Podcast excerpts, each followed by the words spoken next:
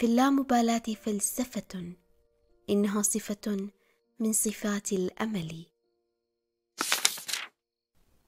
يذكر الكتاب قصة الملازم هيرو أونودا الضابط في الجيش الإمبراطوري الياباني اللي تم إرساله جزيرة لوبانغ الصغيرة في الفلبين في السادس والعشرين من كانون الأول عام 1944 كانت الأوامر اللي تلقاها الضابط بسيطة ومختصرة. أبطئ تقدم قوات الولايات المتحدة الأمريكية. إثبت قاتل مهما كان الثمن ولا تستسلم مهما حدث. ورغم إنها كانت تبدو كمهمة انتحارية قبل الضابط الأوامر ومضى ينفذها. اللي ما يعرف عن الوضع في ذيك الفترة فبالمختصر كانت الولايات المتحدة الأمريكية مسيطرة على الفلبين حتى الغزو الياباني لها عام 1941 خلال الحرب العالمية الثانية. في الوقت اللي كانت اليابان مخططة تغزو الفلبين كجزء من خطتها في غزو بقية مناطق شرق آسيا. بعد عدة أشهر وصلت القوات الأمريكية لجزيرة لوبانغ واستولت عليها. وخلال أيام قتل واستسلم معظم الجنود اليابانيين. لكن ما كان هذا موقف الجميع.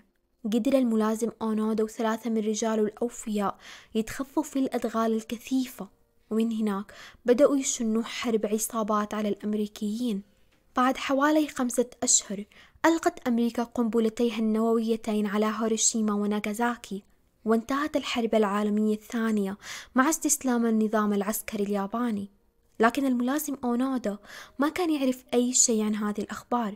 ظن أن الحرب لا زالت قائمة. فواصل القتال ضد القوات الأمريكية في الجزيرة متقيد بالأوامر اللي تلقاها. لا تستسلم. اللي اضطر الجنود الأمريكيين يلقوا مناشير عديدة في الأدغال اللي كانت حصن فيها الملازم الياباني ورفقائه الثلاثة معلنين نهاية الحرب العالمية واستسلام اليابان وألمانيا وإيطاليا. غير أن الملازم أونودا أعتقد أن هذه المناشير هي مجرد خدعة حربية وفخ أمريكي وواصل التخفي وتابع القتال مع رفقائه. مرت ست سنوات كاملة على نهاية الحرب. وخلالها رجعت غالبية القوات الأمريكية لوطنها الأم وحاول سكان الجزيرة يرجعوا لحياتهم الطبيعية. لكن هجمات أونودا ورجاله استمرت ما تركت لهم الفرصة يعيشوا في أمن وسلام. فكانوا ينهبوا المواشي ويحرقوا المزارع ويقتلوا أي شخص يوقف في طريقهم بشكل عشوائي. وقتها رجعوا يرموا مناشير جديدة من طرف حكومة الفلبين مضمونها أخرجوا من الغابة انتهت الحرب. لكن أونودا ما صدق أي من هذه المناشير. حتى رجعت اليابان تلقي برسائل مكتوبة باللغة اليابانية أتضمنت أوامر إمبراطورية بانسحاب الجميع والعودة للبلاد. غير أنه الملازم أونودا كان يقتنع أنه الموضوع كله لعبة أمريكية وخطة مكشوفة للإيقاع فيه واختار يواصل القتال برفقة جنوده. مرت سنوات وسنوات وتفاقمت مأساة السكان بالجزيرة فحملوا السلاح وراحوا للأدغال يواجهوا الملازم أونودا ورفاقه. فقتل واحد فيهم واستسلم الآخر إلا الملازم أونودا لما وصل هذا الخبر للصحافة اليابانية أحدث ضجة كبرى وسط الطبقة السياسية. كان اليابانيين يعتقدوا أن كل الجنود رجعوا للوطن. فرجع يثار موضوع أونودا وصار حديث الجميع. أرسلت حكومة بلاده فرقة للبحث عنه بالتعاون مع دولة الفلبين. لكنهم فشلوا في العثور عليه وظنوا مات. إلى أن سمع أحد المغامرين اليابانيين هذه القصة الغريبة لهذا الملازم فراح يبحث عنه وتوفق فعلا في العثور عليه داخل الأدغال وأعلموا بأنه الحرب انتهت منذ أكثر من ربع قرن. أتساءل عن سبب استمراره في القتال رغم كونه وحيد؟ فرد الملازم أونودا وقال إنه كانت هذه الأوامر. رجع الملازم لليابان بعد ما يقرب ثلاثين سنة. بعد ما جاء شخصيا قائده المباشر اللي صار عامل بأحد المخابز وأمره يخرج من حصنه ويرجع لبلده. وفي اليابان استقبل استقبال الأبطال وتسلم تعويضاته المادية وحل ضيف على معظم القنوات التلفزيونية. وقال إنه مو نادم على أي شيء وإنه يتشرف بكونه كرس جزء من حياته لخدمة بلاده عسكريا. لكن بعد مدة قصيرة حس بالذعر لكونه وجد اليابان تغيرت بشكل كبير. انتشرت ثقافة الاستهلاك فيها. بدأت قيم الشرف وتقاليد التضحية والإخلاص اللي نشأ عليها جيله تندثر فصار أونودا أكثر اكتئاب لأنه حياته في الأدغال كان لها معنى وهذا المعنى هو اللي جعل من حياته قابلة للاحتمال ورغم أنه حاول يستخدم شهرته المفاجئة بعد عودته لليابان في إعادة تعزيز القيم اليابانية في المجتمع والجيل الجديد. إلا أنه الكل كان يتفرج له ويسمع له كأنه مجرد برنامج مو شخص جدي. هو مجرد رجل خرج من آلة الزمن من الحرب العالمية الثانية. وإحنا مهمتنا نتفرج عليه كأننا في متحف. فقرر يهاجر للبرازيل لأنه اليابان اللي قاتل من أجلها ما عادت موجودة. ولربما ظل سنواته اللاحقة يسأل نفسه لأجل إيش كان يقاتل كل هذه السنوات؟ كرس حياته يقاتل في حرب غير موجودة لأجل بلد هزم هزيمة ساحقة وقبل بهذه الهزيمة. كيف استسلمت اليابان كلها في الوقت اللي هو فيه لحاله في الأدغال؟ ما استسلم. أحيانا كثيرة يختار الإنسان إنه يكرس قسم كبير من حياته لأجل قضية ولو كانت تبدو سخيفة أو بلا معنى ظاهريا إلا إنها كانت ذات معنى لهذا الشخص بالتحديد. ليش كان الضابط أونودا أكثر سعادة خلال الثلاثين سنة في الأدغال وهو ينام على الأرض ويقتات على الحشرات والقوارض أكثر من سعادته بعودته لوطنه كانت هذه المعاناة هي المعاناة اللي اختارها لأجل وطنه لأنها قدمت في سبيل خدمة قضية أكبر ولأنها كانت تعني شيء له فكان قادر يحتملها. فإذا كانت المعاناة أمر لا مهرب منه والمشكلات لا يمكن تفاديها. فالسؤال مو كيف نوقف هذه المعاناة بل لأي غاية أعاني؟ وعلى هذا الجواب تتوقف قدرتك على تقبل معاناتك أو لا. كل شيء مبني على قيمنا وأفكارنا. عشان كذا نلاقي إننا نعجز لما نسأل أو نسأل أنفسنا إنه ليش أسوي اللي أسويه؟ ليش أتحمل اللي أتحمله ليش أتقبل هذه المعاناة؟ يقال إنه اللي يصبرك على المر هو الأمر منه. وهناك يقبع الجواب ليش أتحمل معاناتي؟ أسأل نفسك بين فترة وفترة أسألها أسئلة غير مريحة أستجوبها فكر في شيء مزعج وأسأل نفسك ليش هذا الشيء يزعجني؟ ليش كان أونودا منزعج من حال اليابان رغم تقدمها الواضح؟ لأنه قضى جزء كبير من حياته وكرس نفسه لأجل أن تبقى هي اليابان القوية اللي يعرفها وهذا تغير. في شيء في داخلنا. توقع معين عن ردود فعل الأشخاص المفترضة أو العالم على تصرفاتنا هو اللي يزعجنا لما يخيب ظننا فيه. يضرب مانك مانسون مثال عن علاقته بأخوه وإنه يزعجه إنه أخوه ما يرد على رسائله. وهذا يعني إنه غير مهتم لأنه لو أراد بناء علاقة حقيقية بينهم فرح يخصص عشر ثواني من يومه ويرد على رسائله لأنهم أخوان. من المفترض تكون علاقتهم أفضل من كذا. هذا الانزعاج كله راجع للقيمة اللي تتمسك فيها ووسيلة قياسك لنجاحك وتقدمك تجاه هذه القيمة. فالقيمة اللي نحطها زي من المفترض إنه تكون علاقة إخوتي معاي طيبة وقوية أو علاقاتي بأصحابي وزملائي في العمل. نقيسها عن طريقة تواصلنا اليومي على أقل تقدير. فلما ما نتواصل بشكل يومي وتصير الأيام أسابيع أو أشهر ننزعج من فكرة إننا ما عدنا زي زمان وإنه علاقاتنا بدأت تنهار. لكن لو جينا نفكر بالموضوع بطريقة ثانية إنه ليش نقيس العلاقات الوثيقة والصداقات الحقيقية والأخوة بكثرة التواصل؟ هل يا ترى إحنا بدون لا ندري قاعدين نطبق مقاييس خاطئة على الأشياء والعلاقات من حولنا لذلك إحنا منزعجين؟ ليش الاحترام ما عاد يكفي؟ والحب والنوايا الطيبة والثقة. هل هذه كلها ما تعتبر مقاييس أفضل لتقدير علاقاتنا ببعض؟ وبات التواصل اليومي هو المقياس. لو كنت تقيس الحب والاحترام والتقدير بطريقتك الخاصة فلربما ما تكون هي ذات الطريقة اللي الطرف الآخر يقيس فيها الموضوع. يمكن ما في وسيلة قياس صحيحة ووسيلة قياس خاطئة. لكن نقدر نحاول نتفهم أكثر كيف يقيس الآخرين قيمهم المشتركة معانا فنشعر بانزعاج أقل. لو جينا نطالع لحياتنا فكل واحد فينا حاط قيمة لحياته وهدف وحلم ويقيس نجاحه على مدى تقدمه نحو تلك القيمة.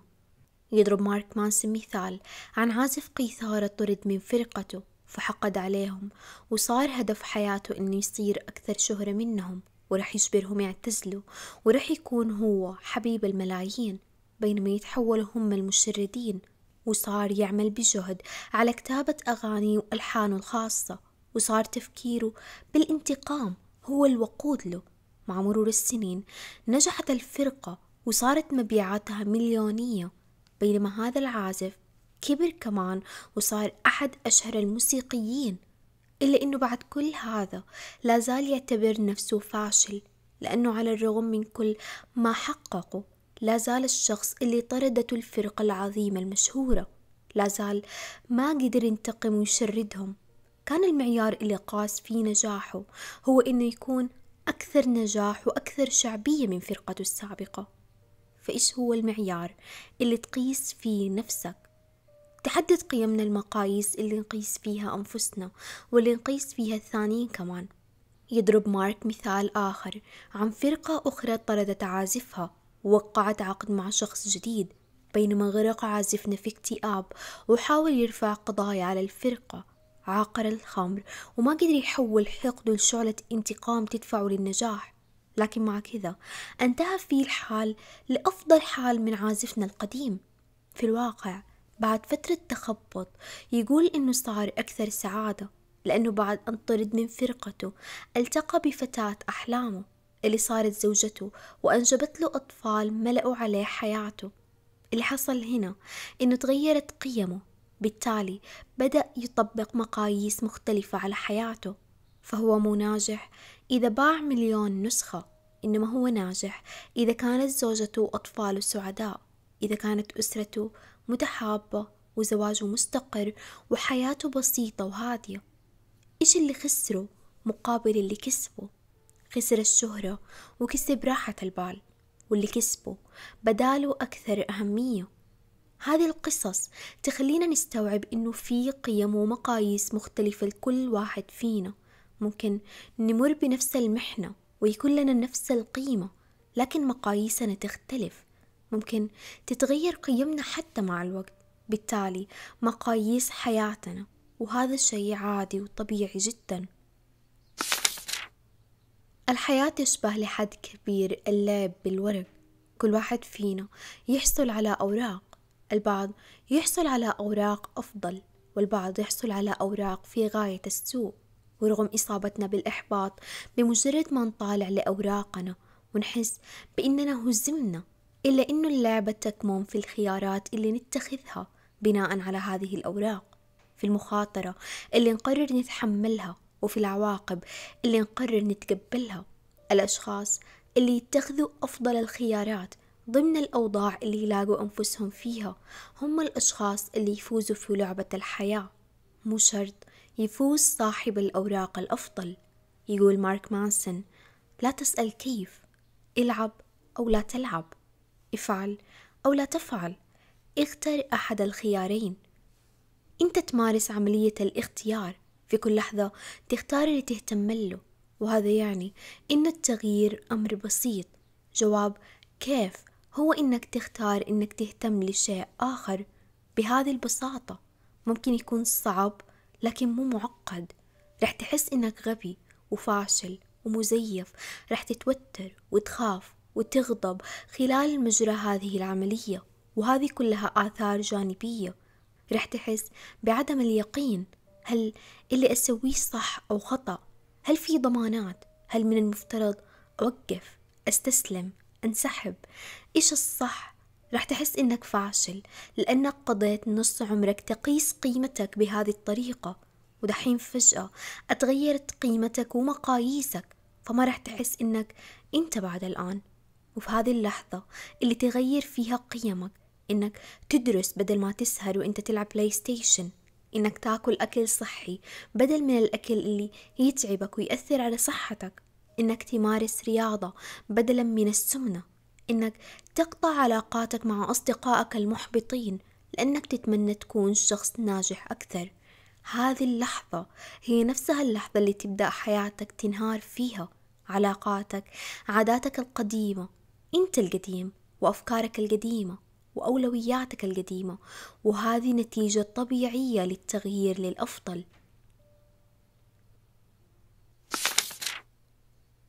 أغلبيتنا نقول وقت نمر بأي موقف إنه ما يهمني وإنه عادي لكن الحقيقة إنه مو عادي وإنه يهمنا. بل أكثر الأشياء اللي ندعي إنها ما تهمنا تكون هي أكثر الأشياء اللي مرة تهمنا. نظن إنه السعادة قدر مو خيار. والحب شيء يحصل من تلقاء نفسه مو شيء نعمل لأجله. الروعة شيء نتمرن عليه مو أمر نخترعه لأجل أنفسنا. النجاح شيء يحصل في نهاية المطاف مو شيء يحصل كل لحظة. لكن النمو عملية مكررة لا نهاية لها. إحنا ما ننتقل من خطأ لصواب فجأة لكننا ننتقل من خطأ لخطأ لخطأ لخطأ أقل ثم أقل ثم أقل وأقل. من دون ما نوصل يمكن للصواب لأنه الصح والنجاح والنمو يحصل بين هذه الأخطاء مو بعدها. لكل شخص فينا حاجات مختلفة تاريخ مختلف ظروف مختلفة وأخطاء مختلفة. فالصح اللي نوصل له مختلف. يمكن يكون الصح بالنسبة لي هو العيلة ولك المال. والمارك مانسون السفر ويمكن تكون إجابات الصح صحيحة إلى وقت ما ثم تتغير مع الوقت وترتقي لأننا إحنا كمان نتغير وظروفنا تتغير وأفكارنا تتغير. بالتالي إجاباتنا تتغير وتصير أكثر انسجاما مع متطلباتنا اليومية. في ناس يعيشوا في هاجس إنهم دايما يكونوا على صواب لدرجة إنهم ما يعيشوا حياتهم أبدا. نظن إنه من الأسهل إننا نعيش مع يقين مؤلم بإننا نستحق الأفضل وإننا رح نوصل للصح والمثالي بدون ما نحاول حتى إننا نغلط ونغلط أكثر ثم نغلط أقل ونفشل ونتعرض للرفض. اعتقاداتنا بشأن أنفسنا يمكن تكون أقل من المستوى ممكن نفشل ونخسر ممكن يرفضونا ويحرجونا. هذه كلها تخلينا قادرين نضحي بسعاداتنا ونجاحاتنا وإجاباتنا الصحيحة واستحقاقاتنا لأننا نحسب إننا معانا حق في هذا التفكير. نحسب إننا نعرف نهاية القصة. يقال إن اليقين عدو التطور لكن لا تكن على يقين قبل أن يحدث أمر ما. فحتى هذه اللحظة لا زال محل جدل. لازم نكون في حالة شك وبحث دائمين نشك في أحاسيسنا نشك في اللي من الممكن يحمل المستقبل. نبحث بدلا عن كيف نكون على صواب نبحث عن كيف إحنا مخطئين. لأنه إننا نكون مخطئين يجعلنا منفتحين على احتمالية التغيير. لا تثق بفكرتك عن التجارب الإيجابية والسلبية. كل اللي إحنا متأكدين منه هو اللي يألمنا في هذه اللحظة واللي ما يألمنا. خذها كقاعدة. إحنا أسوأ من يلاحظ أنفسنا لما نغار ونغضب ونتصرف بلا عقلانية. يمكن الطريقة الوحيدة عشان نلاحظ أنفسنا هي إننا نحدث بعض التشققات في الدرع اللي نحيط أنفسنا فيه. درع الثقة والأكيد. إنك تسأل نفسك باستمرار هل يا ترى أنا مخطئ؟ يذكر الكتاب تجربة الأشخاص تم وضعهم في غرفة. مع الزر ومصباح وقالوا لهم إنه إذا سووا شيء معين فالمصباح رح يضيء ويكسبوا نقطة. راح أغلبية الأشخاص يضغطوا على الزر عشوائيا إلى أن أضاء المصباح لكنه مع كذا ما أضاء في محاولاتهم التالية وصاروا يجربوا طرق مختلفة. أضغطوا ثلاث مرات وأتركوا خمسة ثواني ثم أضغطوا مرتين ثم مرة وهكذا. لكن مرة ثانية ما كان هذا هو السر وراء إنه المصباح يضيء فراحوا يفكروا إنه لربما ما يتعلق الموضوع بالزر أساسا بل بكيفية جلوسهم أو وقوفهم أو عدد خطواتهم وعلى أي قدم يوقفوا. وفعلا اكتشف الأغلبية هذه الطريقة. واحد فيهم اكتشف إنه قدماه هي السبب والآخرين اكتشفوا إنه وقوفهم أو جلوسهم هو السر. وبشكل عام. خلال ربع ساعة قدروا يلاقوا السلوكيات اللازمة يجنوا فيها النقاط. لكن في واقع الأمر كان المصباح يضيء عشوائيا ولا علاقة له بوقوف أحدهم من جلوسه أو من ضغطه على الزر أساسا. كان كل هدف هذه التجربة هو تبيان سرعة العقل البشري في اختراع الهراء والكلام الفاضي اللي نسميه أحيانا بالمنطقي. ثم نصدقه ونعتبره حقيقة. خرج الأغلبية من التجربة مقتنعين إنهم اجتازوا التجربة بنجاح وفازوا في اللعبة. والكل كان متأكد إنه لقي التسلسل الصحيح. يقول مارك مانسون إنه أدمغتنا هي آلات للمعاني وإنه اللي ندركه على إنه معنى متولد من الارتباطات اللي يقيمها عقلنا بين تجربتين أو أكثر. تعمل أدمغتنا وتولد المزيد من الارتباطات عشان تساعدنا في فهم البيئة المحيطة فينا. لكن المشكلة إن عقولنا مو كاملة وإننا نخطئ في أشياء نشوفها ونسمعها ونسيء بعض الأشياء ونخطئ في تفسير بعض الأحداث. بل إنه عقولنا مصممة للتمسك بالمعنى اللي تخلقه وننحاز لذاك المعنى. يقول الكوميدي إيمو فيليبس كنت أظن أن الدماغ البشري أعظم عضو في جسدي ثم اكتشفت من الذي يقول لي ذلك. الكثير من قيمنا بل معظمها ناتجة عن ماض سيء فهمه. معظم معتقداتنا خاطئة فانتبه للي أنت مقتنع فيه. نمر بتجربة ثم نتذكر هذه التجربة بشكل مختلف. ولما نحكي هذه القصص والتجارب نحاول نملأ الفجوات اللي نسيناها. ونصدق إنه هذه الإضافات كانت حقيقية تماما. ونبدأ نقسم ونجزم إنه هذا اللي حصل فعلا ومع مرور الوقت. ممكن ما تكون قصتنا صحيحة إلا بنسبة ضئيلة جدا والباقي كله إضافاتنا الخاصة بدون حتى ما نستوعب. كلنا نسوي كذا. الموضوع ما له علاقة بصدقنا أو حسن نوايانا لأنه أدمغتنا مصممة على إنها تكون نشيطة دائما لكن مو دقيقة. فالدماغ متحيز دايما للي نحس إنه صحيح في هذه اللحظة.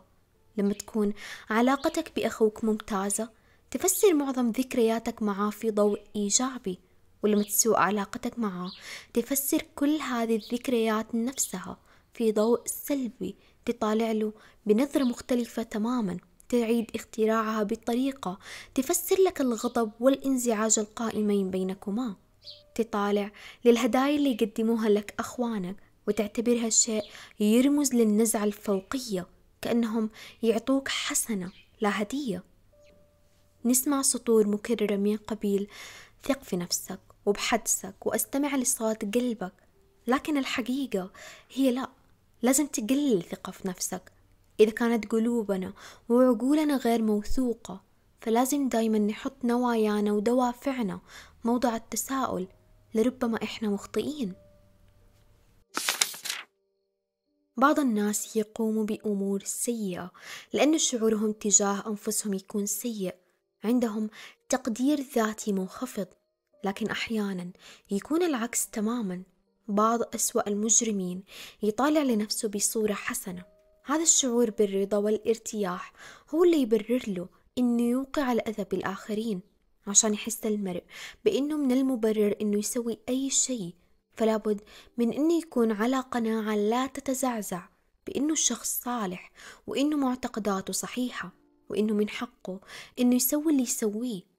في إحدى التجارب اللي عرفت لاحقا باسم تجارب ميليغرام نسبة لعالم النفس ستانلي ميليغرام قال الباحثين لأشخاص عاديين بأنه عليهم إنزال العقوبة بمتطوعين آخرين لأنهم خالفوا بعض الأنظمة وبالفعل عاقبوا المتطوعين وصعدوا العقوبات أحيانا إلى حد إيقاع الأذى الجسدي بهم. ما في أحد فيهم رفض أو طلب تفسير إنه ليش يسووا اللي يسووه. أكتفوا بإنه لهم الحق في كذا. هذا هو العالم بكل بساطة. في ناس تسوي اللي تسويه لأنه كان لهم السلطة واليد العليا. وناس تسوي اللي تسويه كرد فعل للي يصير معاها. وناس ما تهتم باللي يصير وتتوقع إنه أي رد فعل بيصدر منها. ما بيقدم ولا بيأخر وإنه لا سيطرة لنا على هذه الحياة. لكن هل فعلا ما لنا أي سيطرة؟ هل فعلا أي رد فعل ممكن نتخذه؟ ما ممكن يغير شيء؟ أتخيل شخص ماسك سلاح ويهددك إنك تجري أربعين كيلو متر في أقل من خمس ساعات ولا رح يقتلك ويقتل عيلتك كلها هل رح تقدر؟ طيب أتخيل إنك اتدربت لشهور تجهز لماراثون أربعين كيلو متر ومن ثم يجي اليوم المنتظر وتحاول بكل جهدك وتجري وتكمل السباق وكل عيلتك يهتفوا لك ويضموك ممكن تكون هذه من أكثر اللحظات فخرا في حياتك. كيف؟ قدرت أجري كل هذه المسافة. كانت المسافة ذاتها في المثالين أربعين كيلو متر. ليش كان صعب؟ بل مستحيل في الأول ومهدد للحياة بينما قدرت تسويه في الثاني. لأنه اخترته بملء إرادتك. استعديت له. ما كانت تجربة مخيفة ومؤلمة. هذا كل الفرق أحيانا بين تجربة مؤلمة وأخرى شيقة ومحمسة. إحساس إنك أنت اللي اخترت المشكلة وأنت المسؤول عنها. ليش نقضي سنوات المدرسة نكافح مع القواعد الإنجليزية ونتخرج من الثانوي؟ وإحنا بالكاد نقول جملة بسيطة بالإنجليزي بقواعد ركيكة وصوت مرتجف ونبرة تتساءل إذا كان اللي قلناه صح أو لا. بينما بعدها لما نقرر إنه ناخد سنتين بس ندرس فيها إنجليزي نلاقينا أنجزنا أكثر بكثير من اللي أنجزناه في 12 سنة دراسية. لأنه المدرسة والقواعد والكتب وفكرة إنك تصحى بدري وتخلص فطورك وتلحق الباص أو تضطر تنتظر أبوك يوصلك بسيل من الشتائم إحساس ثقيل.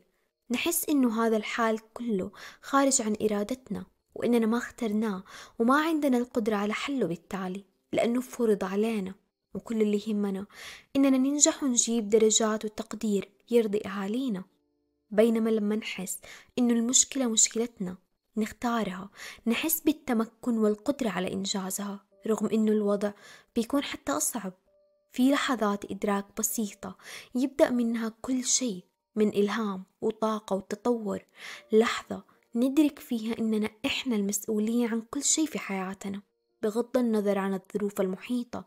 مو دايما رح نقدر نتحكم بالظروف ولا باللي رح يحصل معانا لكن دايما نقدر نتحكم في كيف نفسر اللي يصير معانا كيف نستجيب له سواء أدركنا هذا الموضوع أو لا. فإحنا دايما مسؤولين مسؤولين عن تجاربنا وعن اللي نمر فيه حتى اختياراتنا. إننا ما نفسر الأحداث في حياتنا بطريقة واعية ومنطقية.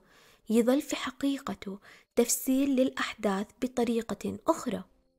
دايما لنا دور في اللي يصير معانا واللي يدور داخلنا لأننا نفسر كل موقف وكل لحظة وكل نظرة وكل كلمة ونختار القيم اللي بنعيش وفقا لها والمقاييس اللي نقيس فيها اللي يصير معانا. فيصير اللي يصير معانا جيد أو سيء بناء على اختيارنا للأفكار اللي قررنا واخترنا إننا نفكر فيها. إحنا في حالة اختيار دائم حتى بدون ما نستوعب. ما في شيء اسمه اللامبالاة بكل شيء. وإذا كنت قاعد تقرأ هذا الكتاب أو تسمع لهذا الملخص لأجل أن لا تبالي بأي شيء على الإطلاق فهذا مو الغرض من الكتاب. رح تبالي بشيء بل من المفترض إنك تبالي بشيء. عشان ما يعود لبقية الأشياء قيمة. السؤال هو إيش اللي تختار تعطيه قيمة ومعنى وأهمية؟ إيش القيم اللي تختارها عشان تستند أفعالك عليها؟ إيش هي المقاييس اللي تختارها عشان تقيس فيها حياتك؟ حابة أنهي الملخص بقصيدة المحمود درويش يقول فيها لا يبالي بشيء إذا قطعوا الماء عن بيته قال لا بأس إن الشتاء قريب. وإن أوقفوا الكهرباء ساعة تثاءب لا بأس فالشمس تكفيني. وإن هددوه بتخفيض راتبه قال لا بأس سوف أصوم عن الخمر والتبغ شهرا. وإن أخذوه إلى السجن قال لا بأس أخلو قليلا إلى النفس في صحبة الذكريات. وإن أرجعه إلى بيته قال لا بأس فالبيت بيتي. في اللامبالاة فلسفة إنها صفة من صفات الأمل.